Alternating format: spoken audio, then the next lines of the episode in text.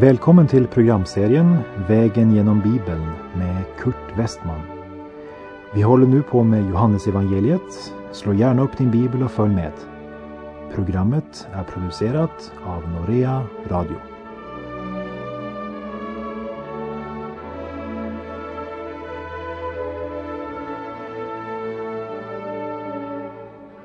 Vi har nu kommit till Johannesevangeliets fjärde kapitel. Och i det här programmet ska vi möta kvinnan vid Sykars brunn. En mycket viktig händelse som sker när Jesus vandrar genom Samarien. Johannes kapitel 4, verserna 1 till och med 3. När Jesus förstod att fariseerna hade fått höra att han vann fler lärjungar än Johannes och döpte fler. Det var dock inte Jesus själv som döpte utan hans lärjungar. Lämnade han Judeen och begav sig på nytt till Galileen. Det är tydligt att det här sker ganska direkt efter händelsen som avslutade kapitel 3 där vi fick höra Johannes döparens sista vittnesbörd. Och efter att Johannes döparen var fängslad så lämnade Jesus Judeen och återvände till Galileen. Varför lämnar han Judeen? Han vill inte provocera fram en kris, för Herren Jesus vandrar i den himmelska plan som är bestämd av Fadern. Han hade gett klart uttryck för att han hade kommit för att göra sin faders vilja. När han beskrev sitt liv sa han Ingen har tagit det ifrån mig. Jag ger det av fri vilja. Jag har rätt att ge det och jag har rätt att få det tillbaka. Detta har min fader bestämt för mig. Hans fiender kan inte röra honom förrän hans stund har kommit. När vi kommer till kapitel 13 ska vi se att hans stund kommer. I Johannes 13.1 står det, det var strax före påskhögtiden och Jesus visste att hans stund hade kommit då han skulle lämna världen och gå till Fadern. Så Jesus vandrar inte styrd av tillfälligheter. Han vandrar efter Guds fullkomliga himmelska plan. Han har kommit för att göra Faderns vilja. Därför återvänder han till Galileen och Kapernaum där han hade sitt huvudkvarter för sin verksamhet. Och i vers 4 står det Han måste ta vägen genom Samarien. Denna korta vers fångar naturligt nog vår uppmärksamhet. Varför eh, måste han gå genom Samarien? Han måste det för att nå en bestämd kvinna. Och det är en naturlig del av det han säger i vers 34. Min mat är att göra hans vilja som har sänt mig och fullborda hans verk. Han måste gå genom Samarien därför att det är hans faders vilja att han ska gå genom Samarien. Det är svaret. När han skulle återvända till Galileen hade han tre olika vägar att välja mellan. Han kunde ha vandrat längs kusten. Där gick den ena vandringsvägen och den existerar än idag. Han kunde ha gått via Peren som ligger på andra sidan av Jordanfloden eller han kunde gå genom Samarien. Historieskrivaren Josefus skriver att även om vägen genom Samarien var den absolut kortaste vägen så gick inte judarna den vägen på grund av den fiendskap som rådde mellan judar och samarier. Men det var Guds vilja att Jesus skulle gå den vägen. Vers 5. Och kom där till en stad som hette Sykar, inte långt från den mark som Jakob gav sin son Josef. Josefs grav ligger i närheten vid ett vägskäl på den gamla romerska vägen söder om Sykar möter han kvinnan vid brunnen. Berget Gerasim ligger nordväst och samariternas synagoga ligger på sluttningen av berget Gerasim. Jag var själv där i slutet av 70-talet. Vers 6. Där fanns Jakobs källa. Jesus som var trött efter vandringen satte sig ner vid källan. Det var mitt på dagen. Klockan 12, mitt på dagen. Det vill säga den sjätte timmen efter den judiska indelningen av dygnet. Klockan 12, alltså när dagen är som hetast. Och vers 7 och 8. En samaritisk kvinna kom för att hämta vatten. Jesus sade till henne, ge mig något att dricka. Lärjungarna hade nämligen gått bort till staden för att köpa mat.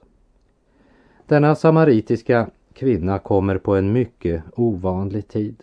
Vanligtvis så samlades folk vid brunnen den sista timmen innan solen gick ner.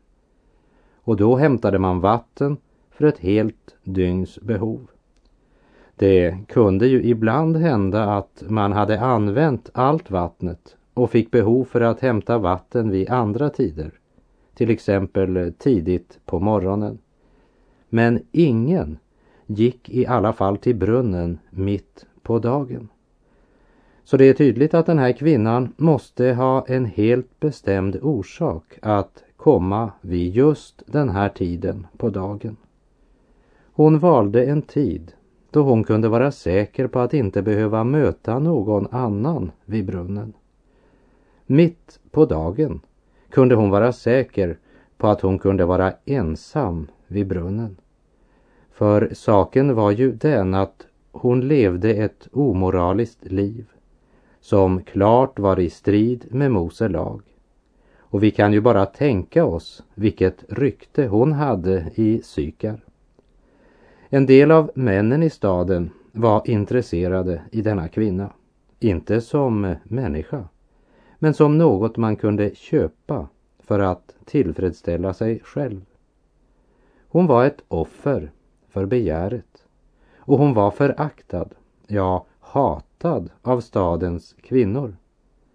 Varken kvinnor eller män visade henne någon respekt. Kvinnorna hatade henne Männen utnyttjade henne. Vi kan väl knappast tänka oss hur det var för den här kvinnan att gå till brunnen på aftonen när alla samlades där. För vid brunnen hämtade man ju inte bara vatten. Men hit gick man för att höra senaste nytt. Det som vi idag får genom radio och tv, det fick man den gången vid brunnen. Vid brunnen var det ganska allmän samling på aftonen innan solen gick ner. När hon gick till brunnen kunde hon höra hur de viskade bakom hennes rygg och de andra kvinnornas hatfulla blickar träffade henne som brinnande pilar. Solens hetta var nog brännande mitt på dagen, men inte så brännande som de föraktliga blickarna från de andra kvinnorna i stadens Sykar. För att slippa allt det här väljer hon en ovanlig tid. Hon går mitt på dagen. Hon var egentligen glad att hon kom på den här idén. Det var en utväg i hennes förfärliga situation. Så fick hon i alla fall vara ensam vid brunnen. Men den här dagen så möttes hon av en obehaglig överraskning. Det satt en man vid brunnen och av alla män en jude. Judarna vill ju inte ha något som helst att göra med en ifrån Samarien. Men eh, nu var det ju för sent att vända.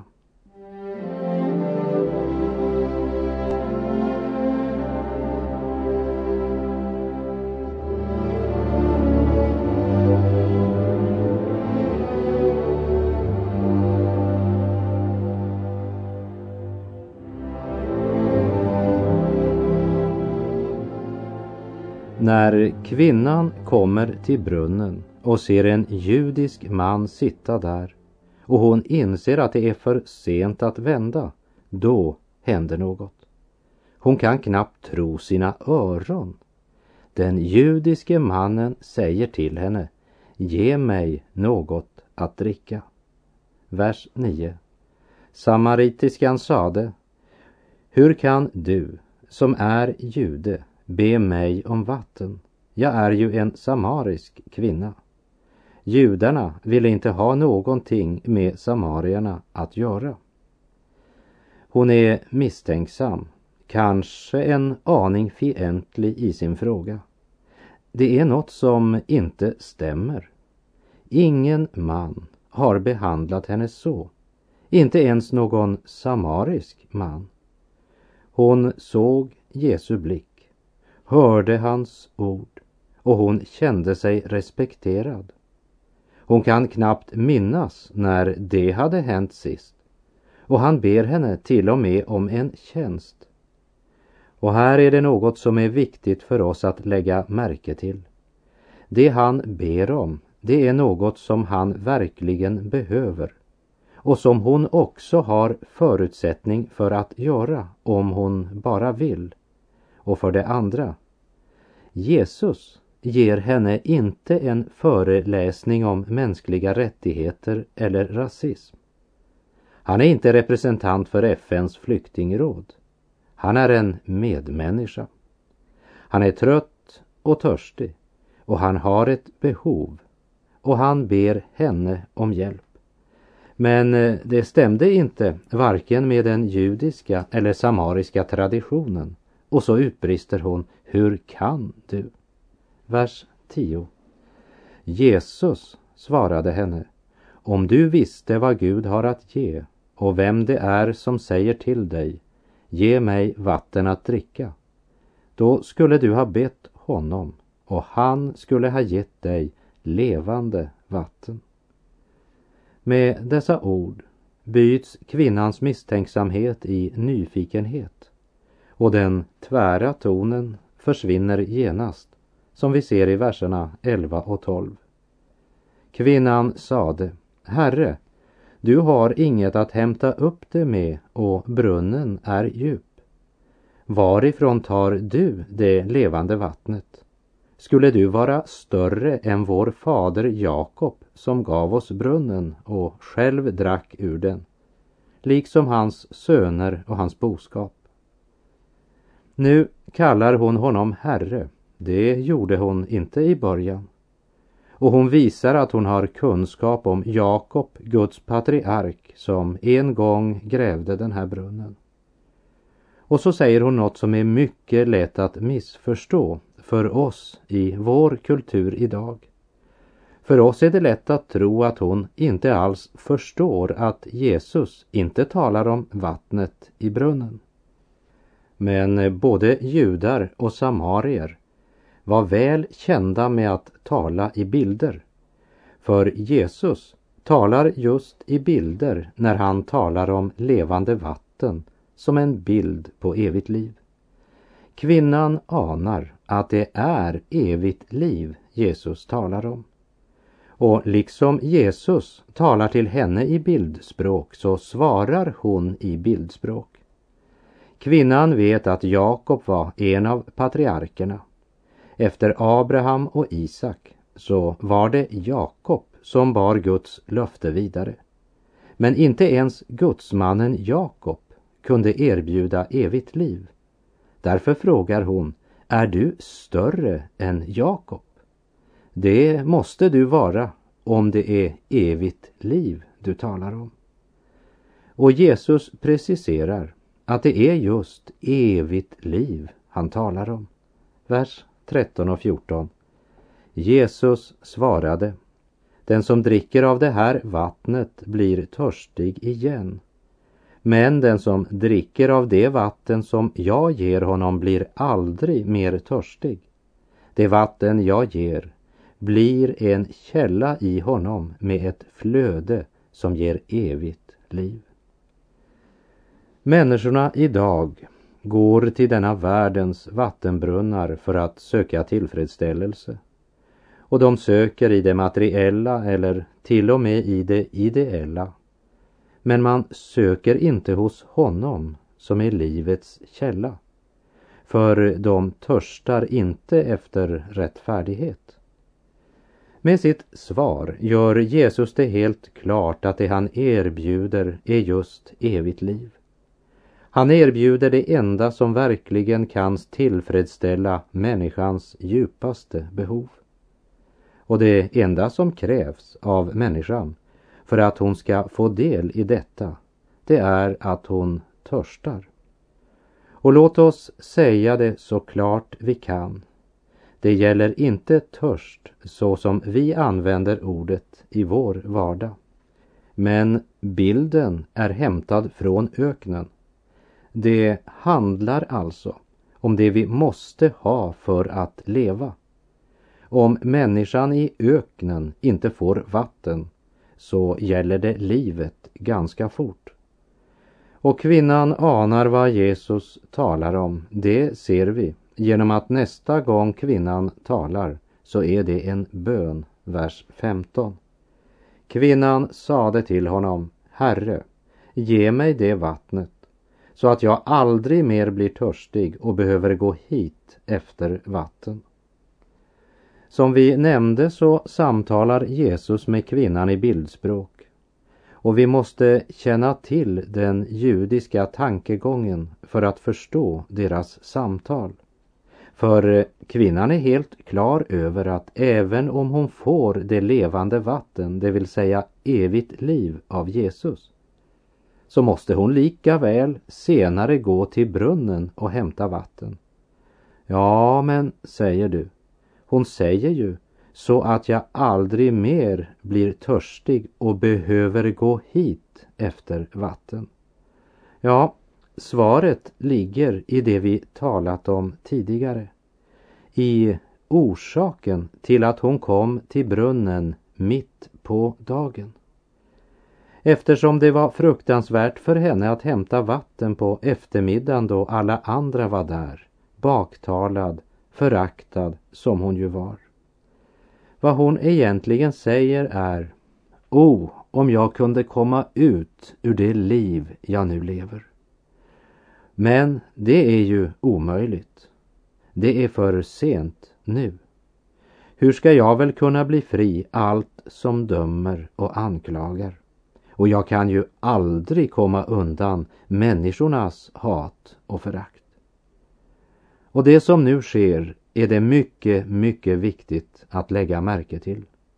För Jesus kommer aldrig med falsk tröst. Han klappar henne inte på axeln och säger det är inte så farligt. Du ska se att det ordnar sig till sist. Men han säger, vers 16, Gå och hämta din man. Han sätter fingret på den ömma punkten i hennes liv. Han säger inte hon är född sådan. Vi, vi måste acceptera att hon är annorlunda. Jesus är inte kallad att välsigna det fängelse som binder människan. Hans uppgift är att befria fången. Han har det levande vattnet. Men även om det vattnet är tillgängligt för alla så är det ett krav som först måste uppfyllas, nämligen törst. Kvinnan måste inse att hon är en syndare. Därför säger Jesus, gå och hämta din man. Nu blev det plötsligt närgående, personligt. Hon blir osäker och tvär i tonen igen. Och hon kallar honom inte för herre längre, vers 17 och 18. Kvinnan svarade, jag har ingen man. Jesus sade, du har rätt när du säger att du inte har någon man. Fem män har du haft och den du nu har är inte din man. Där talade du sanning. Jesus sa, du har rätt när du säger att du inte har någon man. Där talade du sanning. Jesus säger, mannen du nu lever med är inte din, det är sant. Och före det har du haft fem män. Det är det som är orsaken till att du nu är tvungen hämta vatten mitt på hetaste dagen. Jag har ingen man, sa hon. Det behövs inte alltid så många ord för att man ska inse sanningen om sig själv. Allt beror nämligen på om vi böjer oss för det som Guds ord säger om oss. Om vi böjer oss för det som Kristus avslöjar. När en människa kommer till Jesus och ber honom om det han erbjuder, då får man se sanningen om sig själv. Då blir synden synd. Och nu kommer det också något nytt in i denna kvinnas liv. Jag ser att du är en profet, säger hon. Det vill säga, hon har gjort sin första erfarenhet av vem Jesus är. Men nu blev det inte bara personligt, men för personligt. Och kvinnan får bråttom att byta samtalsämne. Hon har en religiös stridsfråga som hon så gärna vill diskutera, verserna 19 och 20. Kvinnan sade, Herre, jag ser att du är en profet. Våra fäder har tillbett Gud på det här berget, men ni säger att platsen där man ska tillbe honom finns i Jerusalem. Hon vill hellre diskutera dogmer och helst stridsfrågor som de olika grupperna är oeniga om. Och det är många, många idag som gör precis som den här kvinnan. Det är så otroligt många idag som gärna vill diskutera religion men de vill inte praktisera den. Och jag tror att många gånger är de ändlösa ordstriderna bara något som täcker över den personliga synden. Man vill inte konfronteras med den personliga synden, min synd. Henry Ward Becker sa Jag tycker om den predikan där en man är predikant och en man är församling. Så att när predikanten säger du är mannen så slipper man undra vem han menar. Kvinnan sa, vad ska jag tro? Samarierna säger att det är på berget Garisim man ska tillbe. Judarna säger att det är i Jerusalem. Ja, det finns ju så många olika tolkningar. Ett är rätt för en och något annat för en annan. Jesus är inte intresserad i att diskutera religiösa stridsfrågor. Men lägg märke till att han nonchalerar inte hennes fråga men säger att både Garisim och Jerusalem är oaktuellt när det gäller henne personligen. I alla fall om hon menar allvar med det hon sa. Du sa ju, Herre, ge mig det vattnet. Ska vi koncentrera oss om det nu? Koncentrera oss om eh, dig? För det är ju inte samarierna du ska tro på. Inte heller judarna du ska tro på. Det är på mig du ska tro. Och verserna 21 till 24. Jesus svarade henne, tro mig kvinna.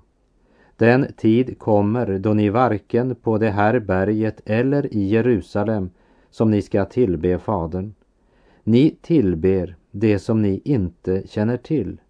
Vi tillber det vi känner till eftersom frälsningen kommer från judarna.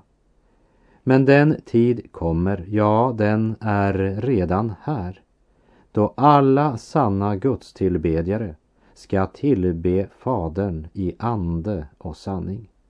Ty så vill Fadern att man ska tillbe honom. Gud är ande och det som tillber honom måste tillbe i ande och sanning. Det har eh, ingen betydelse var du tillber Gud. För det viktiga är inte var du tillber men vem du tillber och hur, det vill säga att det sker i ande och sanning. Gud är ande Och du behöver inte resa från den ena platsen till den andra. Sanna tillbedjare tillber i ande och sanning. Och vers 25. Kvinnan sade, jag vet att Messias kommer, alltså den smorde, och när han kommer ska han låta oss veta allt. Det är intressant att lägga märke till att även samarierna väntade på Messias. Och vers 26. Jesus sade till henne, det är jag, den som talar till dig. Hon blir ställd ansikte till ansikte med världens frälsare. Och så blir frågan, har du kommit dit där du står ansikte till ansikte till Herren Jesus Kristus, så som denna kvinna? Och vi läser verserna 27 till och med 29. I detsamma kom lärjungarna. De blev förvånade att han talade med en kvinna. Men ingen frågade vad han ville henne eller varför han talade med henne. Kvinnan lät sin vattenkruka stå och gick bort till staden och sade till folket där Kom så får ni se en man som har sagt mig allt vad jag har gjort. Kan han vara Messias? Ett eh, personligt möte med honom som ger livets vatten till det törstande förvandlar allt. Se på den här kvinnan som kom till brunnen då dagen var som hetast för att slippa träffa andra. Nu blir hon så ivrig att hon faktiskt har glömt varför hon kom till brunnen. Det står att hon lät sin vattenkruka stå. Hon glömde vattenkrukan. Hon glömde sig själv. Hon har fått smaka livets vatten och blir med en gång en källa till liv för andra. Verserna 39 och 40.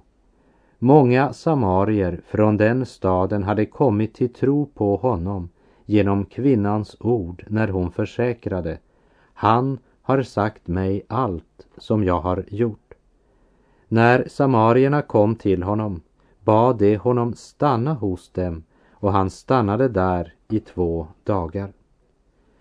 Den förlorade och föraktade fann det eviga livet och blev själv en källa till liv för andra, som Jesus hade lovat. Verserna 41 och 42. Många fler kom till tro genom hans egna ord och det sade till kvinnan, nu är det inte längre vad du har sagt som får oss att tro.